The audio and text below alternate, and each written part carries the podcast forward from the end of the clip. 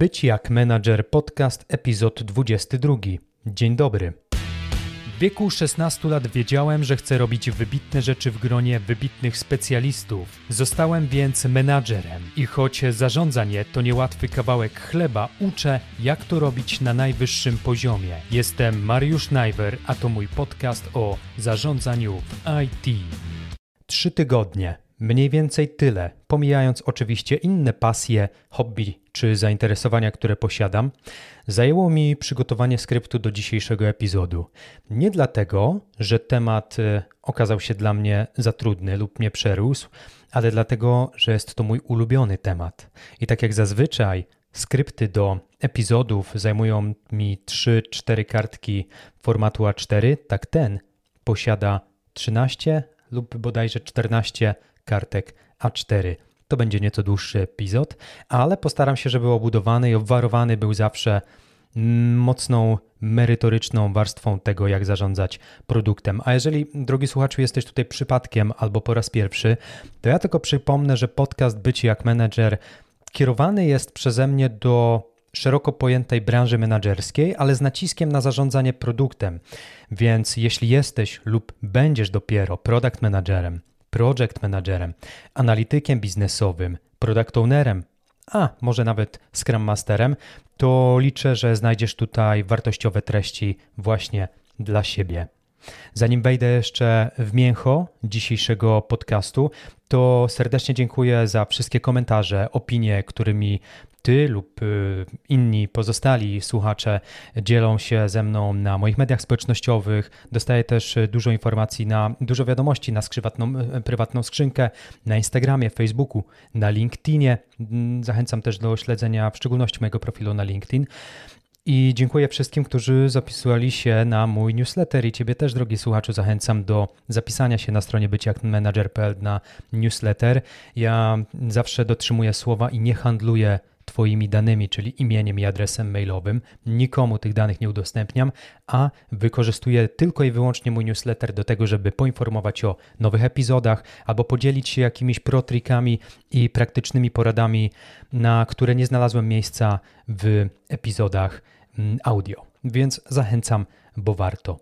Jak tworzyć roadmapę produktu? To jest bardzo szeroki temat, bardzo szerokie pole do popisu dla wszystkich produktowców.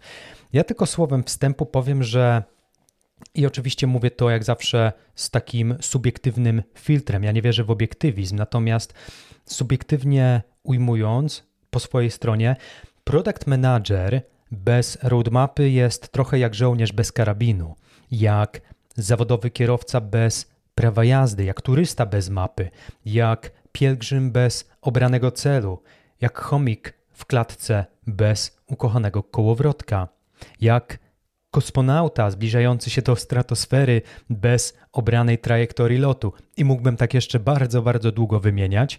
Roadmapa, drugi słuchaczu, to jest nieodłączny element zarządzania produktem, ale także projektem. Chociaż dzisiaj bardziej skupimy się na tej części produktowej.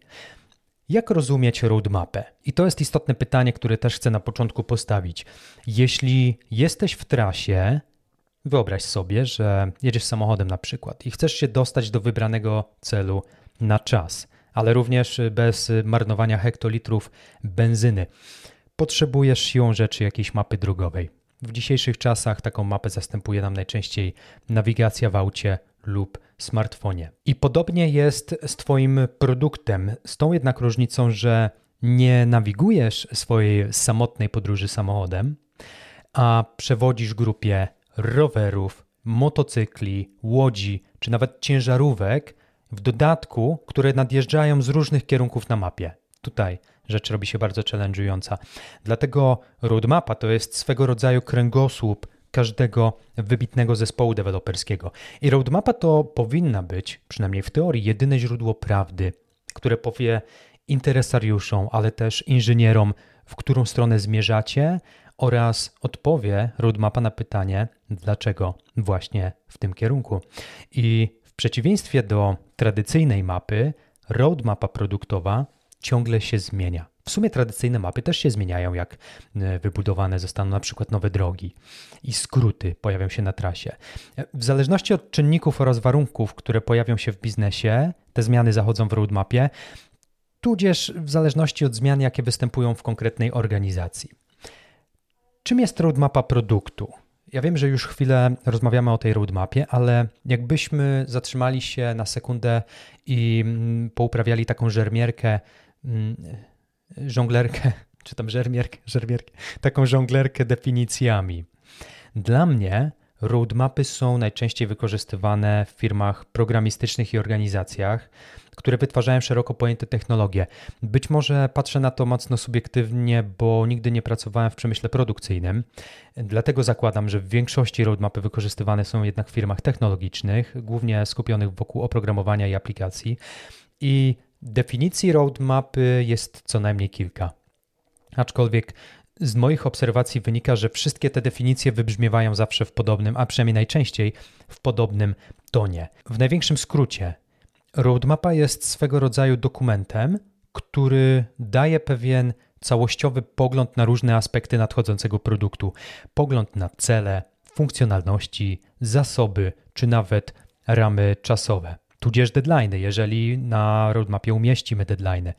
Idę o zakład, że ktoś inny jeszcze bardziej uprościłby, tę defi- uprościłby te definicje, mówiąc, że roadmapa to tak naprawdę narzędzie, które służy do komunikowania Twojej wizji produktowej i przekuwania planów produktowych w konkretne akcje. A gdybym miał poszukać definicji jeszcze bliższej praktyce dnia codziennego, to dodałbym nawet, że roadmapa to nic innego jak wizualna reprezentacja krótko albo długoterminowych priorytetów w projekcie lub firmie. I właśnie ta wizualna reprezentacja priorytetów pomaga wszystkim wokół w budowaniu spójnej komunikacji wokół produktów, no ale też y, pomaga podejmować decyzje strategiczne, przede wszystkim top managementowi.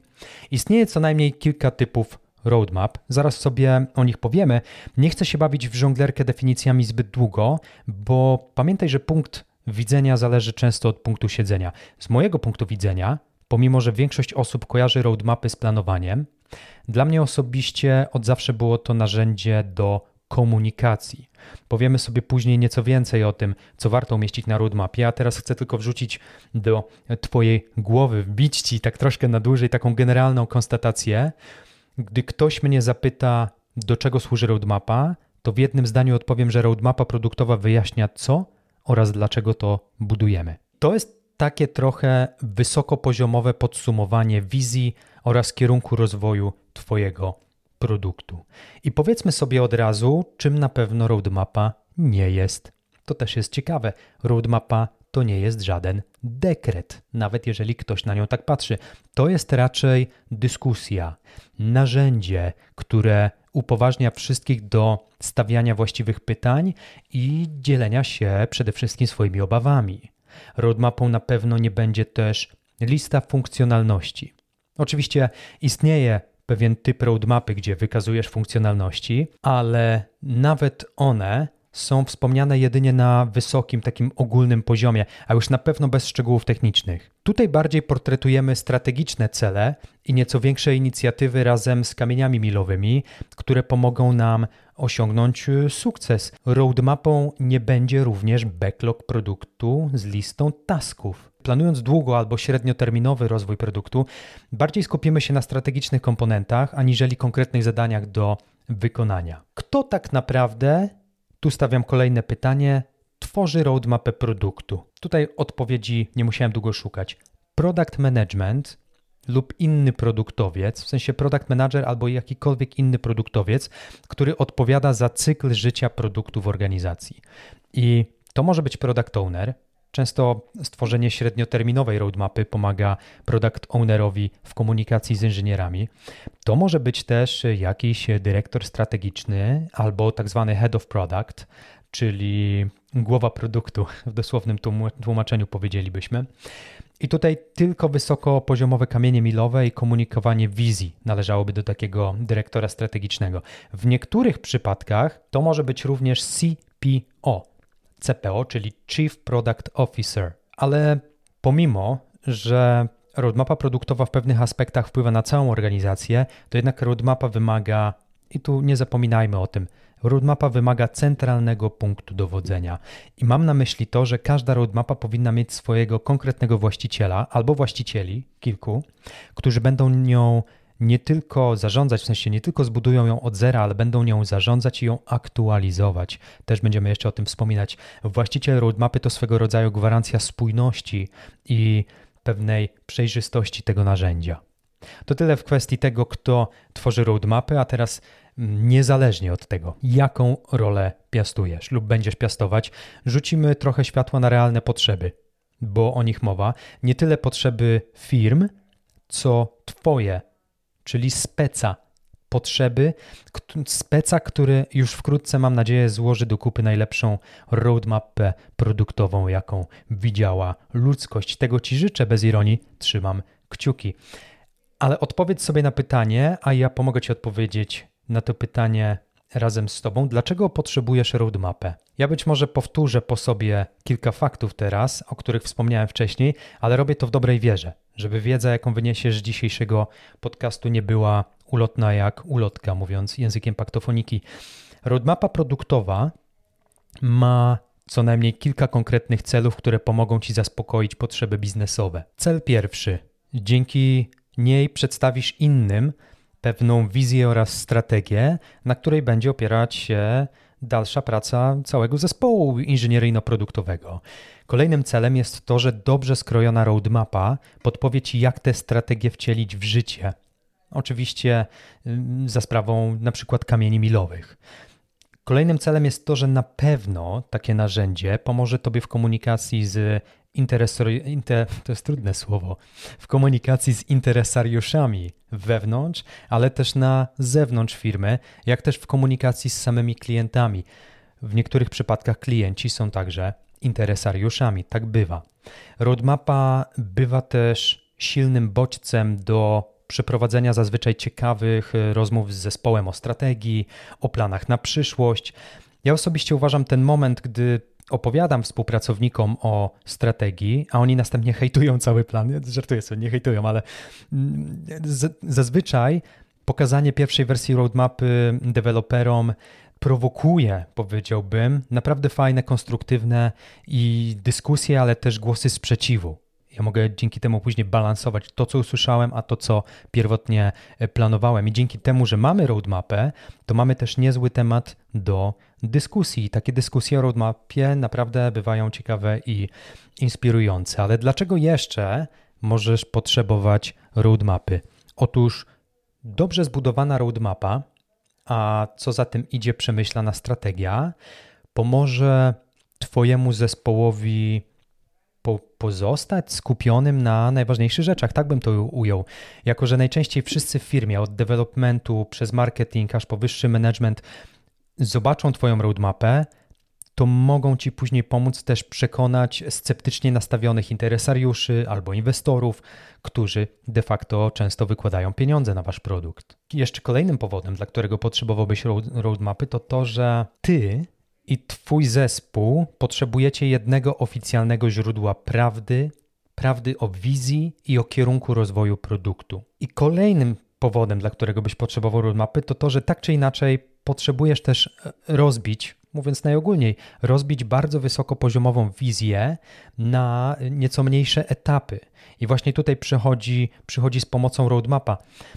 Warto też zauważyć, że zespoły, które rozumieją misję firmy i czują, że dążą do tego samego celu, i to wychodzi z badań, ale też z obserwacji to zauważysz, że takie zespoły, które widzą ten cel, wiedzą gdzie idziemy, są po pierwsze bardziej produktywne i po drugie wnoszą większą wartość do organizacji, do waszej pracy codziennej nad projektem. I kończę już ten wątek realnych potrzeb y, posiadania roadmapy. Pamiętaj proszę, że musi ona zawierać pewne szczegóły, ale jednocześnie być na tyle wysokopoziomowa, żeby wszyscy wokół mogli ją jednakowo rozumieć i także rozczytać.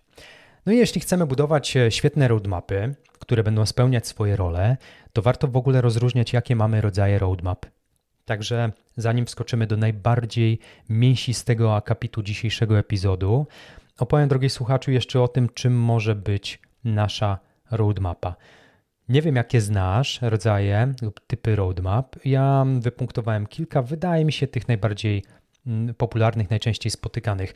Oczywiście typ roadmapy, którą będziesz eksplorować, zależy od natury produktu, jaki rozwijacie, od waszych celów biznesowych, od rodzaju interesariuszy, z którymi współpracujesz.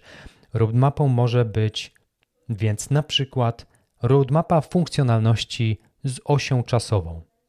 Z angielskiego mówimy o tym Features Timeline Roadmap. Istnieje wiele produktów, przy których wdrażanie nowych funkcjonalności bezpośrednio przekłada się na zaangażowanie użytkowników, na przychód firmy, na walkę o rynek z konkurencją. I właśnie w takich przypadkach warto granulować naszą roadmapę z uwzględnieniem kluczowych dat, ale także rodzajów zasobów i powiedziałbym kompetencji, których będziemy wkrótce potrzebować, żeby osiągnąć nasze kamienie milowe. Kolejnym typem byłaby roadmapa release'ów z angielskiego wydawać, czyli release roadmap. Wiele produktów, zwłaszcza jeśli mówimy o aplikacjach i oprogramowaniu, nie są wydawane tylko jednorazowo i kropka. A już w szczególności oprogramowanie budowane w modelu SaaS, SaaS, czyli Software as Service. Takie oprogramowanie musi być usprawniane na bieżąco. Także ułożenie planu kolejnych wersji aplikacji w schludnie wyglądającą czytelną roadmapę to także dobry sposób na narysowanie pewnej ścieżki dla kamieni milowych produktu. Oczywiście bez sztywnego ustalania ram czasowych dla kolejnych wydań, ale taka mapa, że dziś jesteśmy tu, a za pięć wydań, na przykład naszych releasów, chcemy być tam, w takim miejscu. To jest tak zwana mapa releasów. Istnieje też roadmapa sprintów. Nieco rzadziej widywana, ale warto wiedzieć, że takowa istnieje. Może być przydatna w projektach opartych na Scrumie. Być może kojarzysz takie jednogodzinne sesje planningowe, gdzie zespół skramowy przechodzi przez backlog produktu i zgadza się albo nie zgadza co do rzeczy, które może dowieść w najbliższym sprincie. Stworzenie roadmapy z nadchodzącymi sprintami może właśnie pomóc zespołowi zrozumieć krótkoterminowe cele, ale też upewnić się, że najbliższa przyszłość developmentu, że tą, tą najbliższą przyszłość developmentu wszyscy widzimy podobnie. Oczywiście pamiętajmy, że tutaj operujemy już na niższym poziomie, czyli na celach każdego ze sprintu. Oczywiście nie musisz wypisywać wszystkich user stories, i tasków na przyszłe sprinty, ale wystarczy, że zastanowisz się, jakie cele każdy ze sprintów miałby realizować, a następnie pokażesz to na swojej roadmapie. Kolejny typ roadmapy to roadmapa o nazwie teraz, następnie później, znana pod y, angielską nazwą Now, Next, Later. Nie ukrywam, że to jest y, jedna z moich ulubionych wysokopoziomowych roadmap. Także w obecnej firmie pracuję na tej roadmapie wspólnie z moimi amerykańskimi kolegami, koleżankami, produktowcami oraz y, stop managementem. To jest bardzo dobry sposób na zarządzanie potrzebami większej grupy interesariuszy, włączając w to całą firmę, a nawet klientów. W skrócie, próbujesz na bardzo wysokim poziomie zwizualizować strategię firmy na najbliższe lata w podziale na trzy etapy. Na to, czym zajmujecie się teraz, obecnie, na to, czym chcecie zająć się w dalszej kolejności oraz na to, czym chcecie zająć się jeszcze później. I Rzeczywiście polecam zgooglować e, roadmapę Now, Next, Later i przyjrzeć się jej z bliska, bo może okazać się przydatna, ale inne typy też mogą okazać się przydatne. Ostatni typ roadmapy, o którym chcę wspomnieć e, i który przychodzi mi na myśl, to nasze cele na osi czasu. I to jest tak zwana Objectives Timeline Roadmap. Wiadomo, że firmy są znane głównie z produktów, które oferują, ale przecież za każdym produktem stoi pewna całościowa strategia. I ten typ roadmapy ładnie to wyraża, bo przyglądamy się temu, co praca zespołów produktowych znaczy dla klientów, partnerów, no ale też pozostałych e, interesariuszy. Rzadko spotykany typ roadmapy, ale z pewnością warty rozważenia. Przeszliśmy już przez typy roadmap, opowiedzieliśmy o potrzebach, które zaspokaja to narzędzie, pobawiliśmy się nawet definicją roadmapy. Czas teraz na sedno naszego dzisiejszego spotkania, czyli jak tworzyć roadmapę. Ja zbudowałem dla Ciebie, drogi słuchaczu, listę moich subiektywnych wskazówek i praktycznych porad w kontekście budowania roadmapy. Od Ciebie zależy ile z tego wykorzystasz w swoim projekcie. Ja tylko dodam, że tak e, jak moje podejście uważam za w miarę słuszne, bo mi się sprawdzało wiele razy, tak pamiętaj, że inni produktowcy mogą mieć e, i kultywować inne metody, które także bywają skuteczne. Wiele zależy od organizacji, w której się znajdujesz lub znajdziesz i jak bardzo Twoja organizacja będzie otwarta na średnio lub długoterminowe planowanie. Z doświadczenia wiem, że im większa firma, tym większy wysiłek kładzie się na planowanie strategii. Jak tworzyć roadmapę? Ten krótki mini poradnik rozbiłem na 10 etapów, natomiast taka praktyczna uwaga, nie musisz nic notować ani zapamiętywać, znaczy fajnie jakbyś zapamiętał słuchaczu, ale nie musisz nic notować, natomiast jeżeli zgubisz kontekst albo będziesz chciał wracać do tych treści, to też nie musisz drugi raz odsłuchiwać podcastu. Pamiętaj, że pod wpisem na moim blogu byciakmanager.pl, gdzie opublikowałem ten odcinek, kilka dni po publikacji znajdziesz od razu transkrypcję, czyli jednolity tekst całej tej treści, o której mówię. Zachęcam, żeby do tego wracać, używając Ctrl F czy tam jabłuszko F. Jeżeli pracujesz na Macu, możesz wyszukać konkretną frazę. Jest także wyszukajka na stronie, więc e, polecam e, doszukiwać się tam treści, e, które być może ci wypadły, nie wiesz jak je znaleźć, a nie chcesz jeszcze raz przesłuchiwać całości. Jak tworzyć roadmapę? Etap pierwszy. Y, zrozum szerszy kontekst, tak zwany big picture. I o co chodzi z tym szerszym kontekstem? No zanim w ogóle siądziesz do roadmapy i zdecydujesz o tym, na czym twój zespół będzie, nad czym twój zespół będzie pracował, zrób krok w tył na moment, żeby zrozumieć strategię organizacji i tak naprawdę całą wizję produktową. Spróbuj odpowiedzieć sobie na pytanie, dlaczego rozwijacie właśnie ten produkt właśnie teraz co tak naprawdę Wasz sukces w developmencie będzie oznaczał dla wszystkich klientów, ale też dla firmy, ale również jak wpłynie na rynek ogólnie.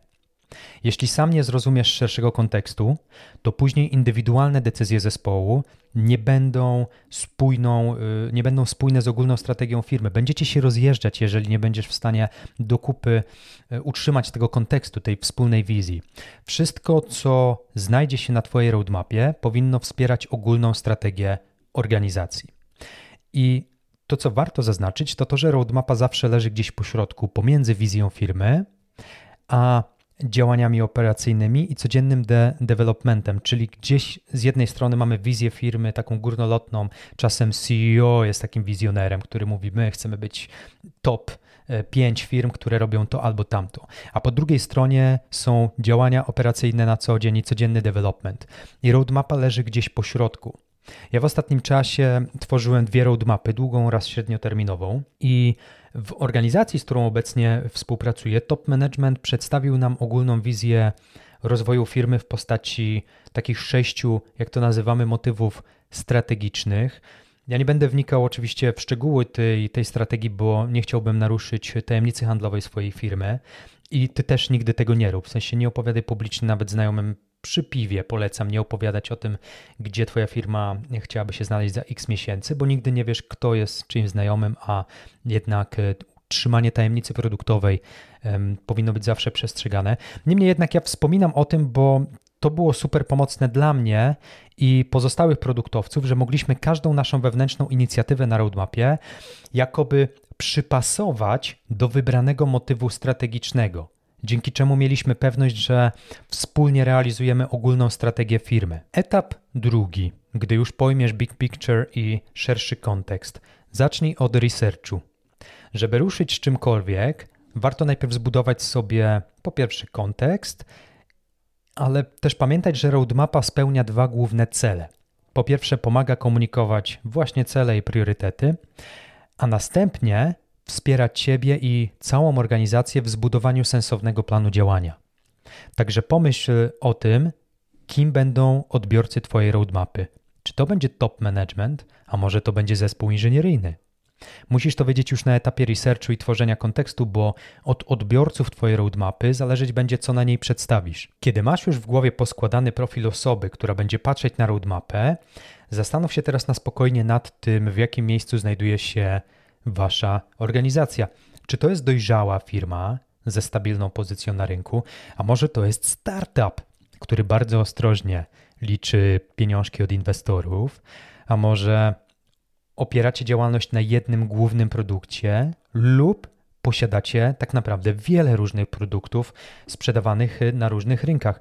Zupełnie inaczej będzie wyglądać roadmapa tworzona z myślą o niewielkim, dynamicznym startupie, a zupełnie inaczej roadmapa skrojona dla jednego produktu z portfolio ogromnej korporacji z długoletnią historią na rynku globalnym. I jako część researchu zrób koniecznie analizę rynku i konkurencji. I to jest super ważna rzecz, zwłaszcza gdy działacie lub zamierzacie działać na nowym dla siebie obszarze geograficznym. Swego czasu, podaję to jako ciekawostkę, współpracowałem ze startupem, który usilnie pchał się na bardzo konkurencyjny rynek i jednocześnie oferował użytkownikom o wiele gorszą aplikację niż jego konkurent. Efekt mógł być oczywiście tylko jeden. Frustracją zarządu nie było końca. Firma przekpalała setki tysięcy złotych każdego miesiąca, a nie przynosiło to większych efektów. Jeśli masz na rynku konkurenta z lepszym produktem i o wiele większym zapleczem finansowym lub technologicznym, to jak cholera chciałbyś wygrać tę walkę o rynek? Ślepa wiara w to, że wygrywa się dobrymi pomysłami, to jest mit. Dlatego mierz siły na zamiary, bo każdy, nawet najlepszy pomysł trzeba jeszcze zrealizować, czyli mieć ludzi, pieniądze i konkretny plan działania. Idźmy dalej. Pamiętaj w każdym razie o przeanalizowaniu konkurencji w czasie robienia researchu. Etap trzeci budowania najlepszej roadmapy, a przynajmniej najbardziej skutecznej. Zdecyduj, jaki chcesz osiągnąć efekt, bazując na potrzebach biznesowych. Przypomnę raz jeszcze, że roadmapa to jest drogowskaz zmian. Zmian, które ty i twój zespół musicie poczynić, dzięki czemu zbliżycie się do założonej strategii. Tymi zmianami będą najczęściej nowe funkcjonalności, jakie warto wdrożyć, żeby usprawniać i zmieniać wasz obecny produkt. Ale odpowiedzenie sobie na pytanie, jakie rezultaty w rzeczywistości chcemy osiągnąć, nie jest takie łatwe. Mnie pomaga w tym zawsze kilka prostych ćwiczeń. Przede wszystkim zadaję sobie pytanie, jaka jest nasza potrzeba biznesowa, którą jako organizacja chcemy zaspokoić. Niech to będzie, wymyślmy sobie, następująca potrzeba biznesowa. W najbliższych latach chcemy zostać najpopularniejszą aplikacją w Europie do zamawiania usług porządkowych. Mamy taką hipotezę, mamy taki cel. Następnie zastanawiam się, jakie metryki powiedzą mi w przyszłości, czy ja osiągam ten cel, czy nie. Innymi słowy, jak chcielibyśmy zmierzyć nasz sukces albo brak sukcesu i które liczby nam o tym powiedzą. Metryki to jest temat rzeka. Ja przypomnę tylko, że w dziewiątym epizodzie mojego podcastu z listopada 2021 roku poświęciłem tam naprawdę sporo czasu właśnie metrykom produktowym.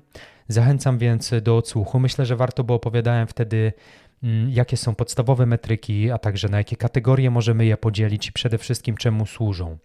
W przypadku naszej wymyślonej aplikacji do zamawiania usług sprzątających, niech taką gwiazdą północy czyli najważniejszą metryką będzie liczba transakcji, czyli to ile razy użytkownicy zamówili usługę porządkową lub mówiąc inaczej usługę sprzątania. I gdy mam już przemyślaną potrzebę biznesową oraz określone metryki, którymi będę mierzył sukces, to robię jeszcze jedno ćwiczenie. Mianowicie zastanawiam się, w jaki sposób powinno się zmienić zachowanie naszych użytkowników, żeby pomogło nam to w osiągnięciu naszego celu. Oczywiście w przypadku naszej aplikacji użytkownicy musieliby po prostu zamawiać częściej usługi sprzątania. Ale rodzi się też pytanie, jak ich do tego zachęcić. Być może programy lojalnościowe wewnątrz aplikacji, być może jakiś system gwarantowanej satysfakcji albo zwrot kosztów w przypadku, gdy nie jesteśmy zadowoleni z wykonanej usługi. Pomysłów może być sporo, ale nie wymyślaj ich sam. To co ważne, to zaproś do burzy mózgów klientów, interesariuszy, członków zespołu. Dużo rozmawiaj, pytaj, w wolnej chwili rób dodatkowy research. Szukaj odpowiedzi wszędzie tam, gdzie tylko możesz. Doprecyzowanie jakie rezultaty chcesz osiągnąć, jaką potrzebę biznesową zaspokoić, jakimi metrykami to zmierzysz i jak to wpłynie na zachowanie waszych użytkowników, spowoduje, że twoja roadmapa zyska odpowiednią narrację do tego, żeby wybrzmieć w całej organizacji. Dojechaliśmy do czwartego etapu. To, czego nie słyszysz w podcaście, to to, jak popijam sobie kawę, bo w czasie edycji zawsze wycinam te przerwy, ale no już prawie kubeczek kawy mi zszedł. Za chwilę poczuję przypływ energii. Lećmy dalej. Czwarty, kolejny etap na drodze do zbudowania skutecznej roadmapy to ustalenie ram czasowych. Niezwykle fajnie i lekko wszystko się planuje, jeśli tylko mówimy jedynie o jakiejś tam przyszłości oraz o tym, co kiedyś chcielibyśmy osiągnąć. To jest bardzo proste planowanie. Ale już bardziej challenge'ujące jest narzucenie sobie pewnych ram czasowych. Nie mówimy tutaj o konkretnej e, dacie z kalendarza. Roadmapa potrzebuje jakiegoś miejsca docelowego, jakiejś destynacji. Zastanów się nad jakimś realnym okresem czasu, w którym cele z roadmapy powinny zostać zrealizowane. Pamiętaj, to tylko ćwiczenie, to nie jest dekret. Przewidzenie dokładnej daty realizacji tematów z roadmapy graniczy z cudem. Nie ma w co wierzyć, ale mimo wszystko warto zrobić to ćwiczenie. Chodzi o to, aby przyjąć jedynie pewne założenie, a następnie robić wszystko, żeby te założenia okazały się właściwe i wykonalne. Ale nie bawmy się w tworzenie precyzyjnych estymacji. Chodzi tylko o wysokopoziomowy plan. Zapytaj też siebie na głos, czy zrealizowanie rzeczy, jakie chcesz umieścić na roadmapie, to kwestia kilku czy kilkunastu miesięcy, a może kilku lat. Ja jestem fanem prowadzenia luźnych dyskusji, konsultacji z inżynierami już na tym etapie, chociażby po to, żeby zorientować się górnolotnie, czy planowane tematy zjedzą miesiące czy lata pracy. Teoretycznie, podkreślam, teoretycznie. Piąty etap na drodze do budowania skutecznej roadmapy to zgrupuj problemy lub nadchodzące funkcjonalności w jakieś motywy strategiczne. Wspominałem wcześniej o motywach, rozwij, rozwijmy ten wątek. W zależności od tego, jak rozbudowana ma być Twoja roadmapa, czasem warto pomyśleć nad jakimiś motywami, do których możesz potem przypisać kamienie milowe. Przykładowo, jeśli planujesz wspólnie z zespołem kilka funkcjonalności, które dotyczą przebudowy interfejsu Waszej aplikacji, to być może da się je zgrupować pod jednym motywem strategicznym, który mówiąc ogólnie poprawi tak zwany user experience, czyli doświadczenia użytkownika. I już pyk, masz motyw strategiczny e, improve user experience. A jeśli macie kilka funkcjonalności, które mają za zadanie poprawić bezpieczeństwo waszej aplikacji, to być może warto je przypisać do wspólnego motywu o nazwie security albo po prostu bezpieczeństwo. Taka roadmapa wyposażona w motywy strategiczne może być naprawdę dużo bardziej czytelna, bo od razu komunikuje większe obszary, na których zamierzacie się skupić. Szósty krok, czyli dojechaliśmy już za półmetek do mm, skutecznej roadmapy, to uchwycenie kamieni milowych, zdefiniowanie tak naprawdę kamieni milowych. Wiadomo, że niektóre kamienie milowe adresują problemy, z którymi się mierzymy, takie jak niska retencja wśród użytkowników albo wysoki churn, z angielskiego odpływ naszych użytkowników, którzy nie wiedzieć czemu porzucają naszą aplikację i już nigdy do niej nie wracają. Inne kamienie milowe z kolei nie mówią tyle o problemach, co o naszych możliwościach, żeby wejść na nowe rynki lub w ogóle o odpaleniu nowych produktów, które mają pewną wartość strategiczną dla naszej firmy. Jeszcze inne kamienie milowe pozwolą naszym użytkownikom korzystać z naszego produktu w jakiś inny, nowy sposób. Ale nie byłbym sobą, gdybym nie dodał, że bywają też takie kamienie milowe, które nie przekładają się bezpośrednio na wartość dla klientów, ale na przykład pomagają nam w osiągnięciu pozostałych celów e, strategicznych. Jeśli chcesz uchwycić najważniejsze kamienie milowe, to koniecznie spotkaj się z interesariuszami produktu. Poświęć każdemu z nich odpowiednią ilość czasu. Nie organizuj grupowego spotkania, ale zamiast tego spotkaj się jeszcze na tym wczesnym etapie indywidualnie z każdym interesariuszem. Wymieńcie się opiniami na temat długofalowej wizji produktu, pogadajcie o strategii.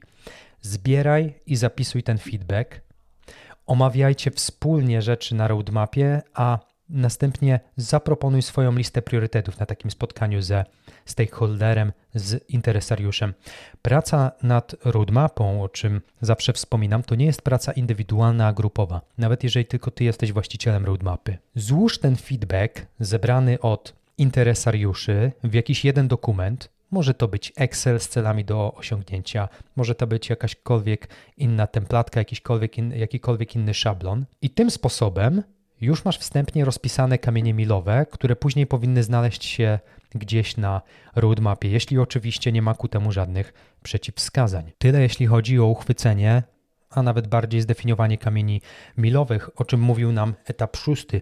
Natomiast w etapie siódmym, no to tutaj już tworzysz pierwszy mockup, pierwszy draft, pierwszą wersję roadmapy, nazywaj to jak chcesz. Nie chcę ci doradzać, jak dokładnie ma wyglądać Twoja roadmapa. Mam teraz na myśli layout, kolorki, wiesz, wygląd samego dokumentu albo prezentacji. Jedni lubią Excela, inni prezentacje w PowerPoint, a inni, power, e, a inni prezentacje w Keynote. Chyba tylko raz w życiu zbudowałem roadmapę od zera. Tutaj muszę się przyznać bez bicia, nie korzystając z żadnego szablonu. Ja jestem ogromnym fanem e, szablonów, niezależnie od narzędzia, z którego korzystam. Ostatnio przesiadłem się na prezentację w Keynote ponieważ pracuję w środowisku mocno skupionym wokół um, urządzeń Apple, e, MacBooków, Maców i tak dalej. To, co polecam Ci zrobić, to wpisz po prostu w Google Roadmap Templates albo szablony Roadmap i tyle. Jedno kliknięcie i masz kilkadziesiąt, a nawet kilkaset świetnie wyglądających szablonów na wyciągnięcie ręki. Poukładaj kamienie milowe w kolejności od największej do najmniejszej wartości biznesowej, oczywiście w kontekście strategii, którą powinniście wspierać. Pamiętaj tylko, że pierwsza wersja roadmapy nigdy nie będzie idealna. Spodziewaj się zmian, ale właśnie na tym polega tworzenie roadmapy na ciągłej zmianie, gdy pojawia się nowa wiedza, okoliczności, gdy pojawiają się nowe argumenty z różnych stron. I kiedy masz już ten mock-up, kiedy przejdziesz przez etap siódmy, wskakuj do etapu ósmego zorganizuj review ze stakeholderami. Review, czyli nie wiem, recenzję, przyjęło się mówienie review po prostu. Kiedy dojdziesz już do momentu, w którym masz skrojoną pierwszą wersję roadmapy, zorganizuj właśnie takie spotkanie ze wszystkimi interesariuszami. Ja zawsze nazywam takie spotkanie Roadmap Final Review. E, chodzi o to, żeby w jednym miejscu i czasie zebrać wszystkie zainteresowane strony, żeby te strony spojrzały na roadmapę i wyraziły swoje ostateczne zdanie co do kształtu i co do charakteru samej roadmapy. Na początku takiego spotkania, tutaj dokładnie przejdę przez y, proponowaną agendę, bo to też jest istotne. Na początku takiego spotkania nadaj kontekst. Bez kontekstu nie wchodź w ogóle y, w szczegóły. No i jak taki kontekst nadać? Przede wszystkim przypomnij najpierw wszystkim wysokopoziomową wizję waszej firmy, a następnie opowiedz kolejno o celach strategicznych, jakie sobie wyznaczyliście, żeby zbliżyć się do realizacji tej wizji. Pamiętaj, że jeśli pracujesz w dużej organizacji, możesz się wcześniej umówić z którymś na przykład z dyrektorów albo nawet członków zarządu, żeby to on lub ona w ramach wstępu opowiedział lub opowiedziała o wizji i celach strategicznych firmy. Najważniejsze, żeby wyjaśnić interesariuszom, jakie są podstawy do tego, że obraliście właśnie takie cele strategiczne. Drugim punktem na agendzie według mnie powinno być objaśnienie, jakie posiadacie zasoby, czyli ile zespołów będzie pracować nad rzeczami z roadmapy. Warto zaznaczyć, ile procentowo czasu zespoły inżynieryjne zamierzają spędzić na tworzeniu nowych funkcjonalności, ile czasu na łataniu błędów, a ile czasu na utrzymaniu systemu i zmniejszaniu długu technicznego, na przykład refaktorując kod. Zrecenzowanie Waszych zasobów na takim spotkaniu ma też inny plus pokazujesz interesariuszom, że jesteś transparentny, że nie chcesz przed nimi nic ukrywać, nawet jeżeli borykacie się z rotacją w zespołach i te zasoby często się zmieniają. Jeżeli capacity, po polsku powiedzielibyśmy chyba wyporność zespołu, okaże się za mała, to wtedy też warto poszukać w budżecie środków na otwarcie wakatów i na pozyskanie nowych, dodatkowych kompetencji, których potrzebujecie. Następnie opowiedz zebranym osobom o każdym z kamieni milowych. Nie wchodź w szczegóły techniczne, broń Boże, wyjaśnij tylko, co kryje się za kamieniem milowym i jak on ogólnie wpływa na strategię. Pamiętaj o tym, żeby przypominać interesariuszom, że każda estymacja, każda wycena robocizny dla kamienia milowego została obliczona w oparciu o ograniczone zasoby, które posiadacie. Kiedy już przeprowadzisz wszystkich przez kamienie milowe, zapytaj interesariuszy o to, co chcieliby ewentualnie zmienić w Twoim drafcie e, roadmapy, spróbuj aktualizować roadmapy na bieżąco w czasie takiego spotkania, wtedy inni mogą widzieć te nanoszone poprawki i odnosić się do poprawek, które nanosisz na bieżąco, ponieważ oni są świadomi tych e, zmian, które, e, które wprowadzasz. Kiedy przenosisz jeden z kamieni milowych na wcześniejszy termin, co jest logiczne, to oczywistym jest, że inny kamień milowy zostanie dowieziony przez to później, no bo macie ograniczone zasoby. I taki manewr pomaga prowokować jakoby dyskusję o priorytetach w czasie takiego spotkania. I to, co pomaga, to przypominać interesariuszom na każdym kroku, żeby patrzyli na roadmapę w kontekście całościowego sukcesu waszej firmy, a nie tylko ich indywidualnych interesów. Tak, że jakby musimy e, wkuwać do głów interesariuszom, że wszyscy gramy do jednej bramki. Po takim spotkaniu e, przechodzimy do etapu dziewiątego. Organizujesz kolejne spotkanie z interesariuszami, żeby przedstawić im ostateczną wersję roadmapy już po tej dyskusji, po naniesionych poprawkach itd., tak itd., tak kiedy wszyscy się przespali z, ze swoimi pomysłami, rzeczami, które usłyszeli, widzieli. Jeśli czujesz wewnętrznie, że ostateczna wersja roadmapy została już wystarczająco dopieszczona, to możesz na to samo spotkanie tak naprawdę zaprosić również pozostałych członków zespołu, żeby oczywiście zakomunikować wszystkim naraz strategię na najbliższą przyszłość. Pamiętaj tylko, żeby na końcu takiego spotkania zostawić kilka minut na sesję QA, czyli na ewentualne pytania z sali. Nie musisz na nie odpowiadać od razu, jeśli nie znasz odpowiedzi, ale zapisz je sobie i obiecaj każdej osobie, która zadaje pytania, że wrócisz do tej osoby z, z odpowiedzią już offline e, w ciągu e, kolejnych kilku dni. Tym sposobem dobrnęliśmy do końca, ale Ktoś by powiedział, no dobra, Mariusz, ale roadmapa jest gotowa, wszyscy klepnęli, punktów 9, temat zamknięty. Co kryje się w etapie dziesiątym? Ja wiem, że dobrnęliśmy do końca, natomiast ostatni dziesiąty krok do zbudowania skutecznej roadmapy to to, co powinieneś zrobić z taką gotową roadmapą dalej. Otóż, drogi słuchaczu, utrzymuj ją i aktualizuj ją.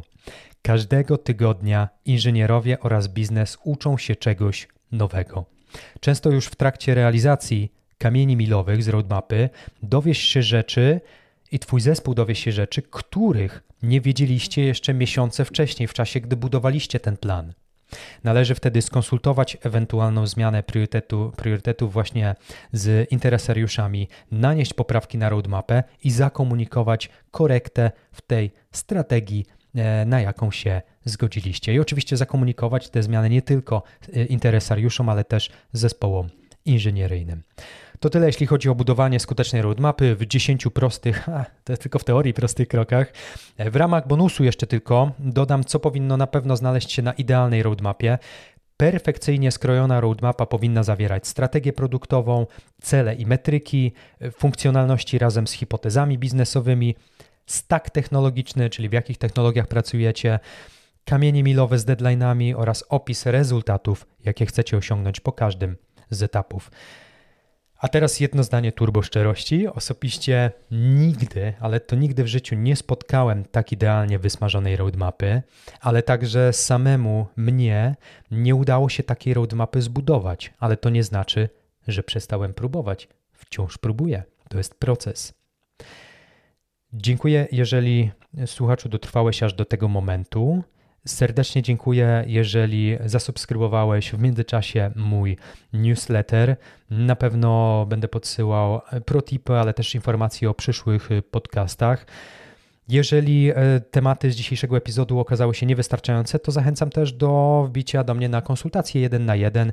Zakładka konsultacje, strona byciakmanager.pl. Możesz śmiało zabukować godzinkę ze mną, jeżeli masz taką wewnętrzną potrzebę przegadania czegoś istotnego, z czym borykasz się w swojej obecnej pracy, lub gdy chcesz wejść do tej szeroko pojętej branży IT jako menadżer, jestem zawsze chętny do tego, żeby pomagać.